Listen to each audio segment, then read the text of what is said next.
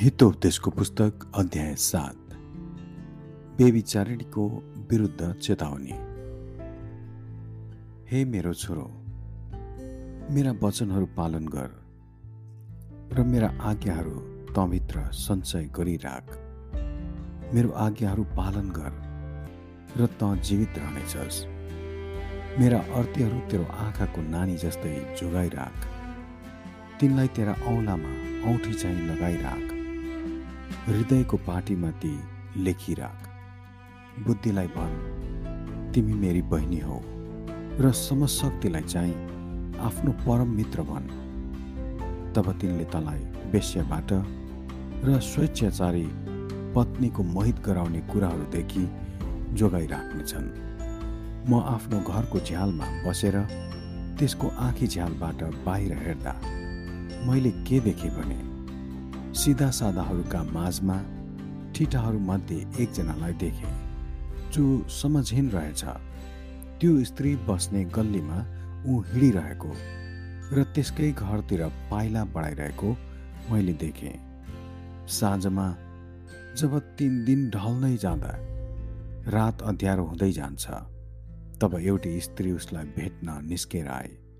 बेस्य झैँ पहिरेकी र धुर्त नियत भएकी चञ्चली र जिद्दीवाल स्त्री जो कहिल्यै घरमा बस्दिन कहिले गल्लीमा कहिले चोकहरूमा कहिले कुना काप्चो हुँदा त्यो लुकेर बस्छे। त्यसैले नै उसलाई समातिर चुम्बन गरे न र निर्लज चेहराले भने मैले घरमा मेल बलि चढाउनु परेको छ। आज मैले आफ्नो भाकल पुरा गरेकी छु। त्यसैले म तपाईँलाई भेट्न बाहिर आएकी हुँ। मैले तपाईँलाई खोजेँ। अहिले भेट्ट आएकी छु। मैले मेरो ओछ्यानमा मिश्र देशका रङ्गीन तन्ना बिछाएकी छु। मैले मेरो बिछौना मुर्र एलोवा र दालचिनी छर्केर सुगन्धित तुल्याएकी छु। आउनुहोस् बिहानसम्मै हामी प्रेमको सागरमा डुबौँ। हामी प्रेममा मस्त हौ। मेरो पति घर हुनुहुन्न। उहाँ त टाढा यात्रामा जानुभएको छ। आफूले आफूसित थैलीभरि रुपैयाँ लानुभयो र पूर्णिमासम्म उहाँ घर फर्कनुहुन्न। फकाए फुस्लाइकन त्यसले उसलाई रन्न भुल्ल पारे। मोहित कुराहरू गरेर त्यसले उसलाई फसाए तुरुन्तै ऊ त्यसको पछि लाग्यो। बत्सालातिर लागेको गोरु झैँ पासोतिर अघि बढिरहेको मृग झैँ तब बाँडले त्यसको कलेजो नै छेडिदिन्छ। जालतिर बेगले उडेको चरा चाहिँ आफ्नो ज्यानै गुमाउँछु भन्ने उसलाई ज्ञानै छैन।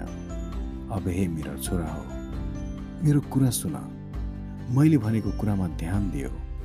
तिमीहरूले तिमीहरूको हृदय त्यसको चालतिर फस्न नदियो। त्यसको बाटोतिर बरालिएर नजाओ। त्यसले धेरैजनालाई नष्ट पारेकी छ। त्यसको शिकार बन्नेहरू असङ्ख्य छन्।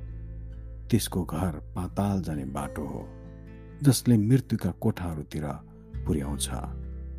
आमेन।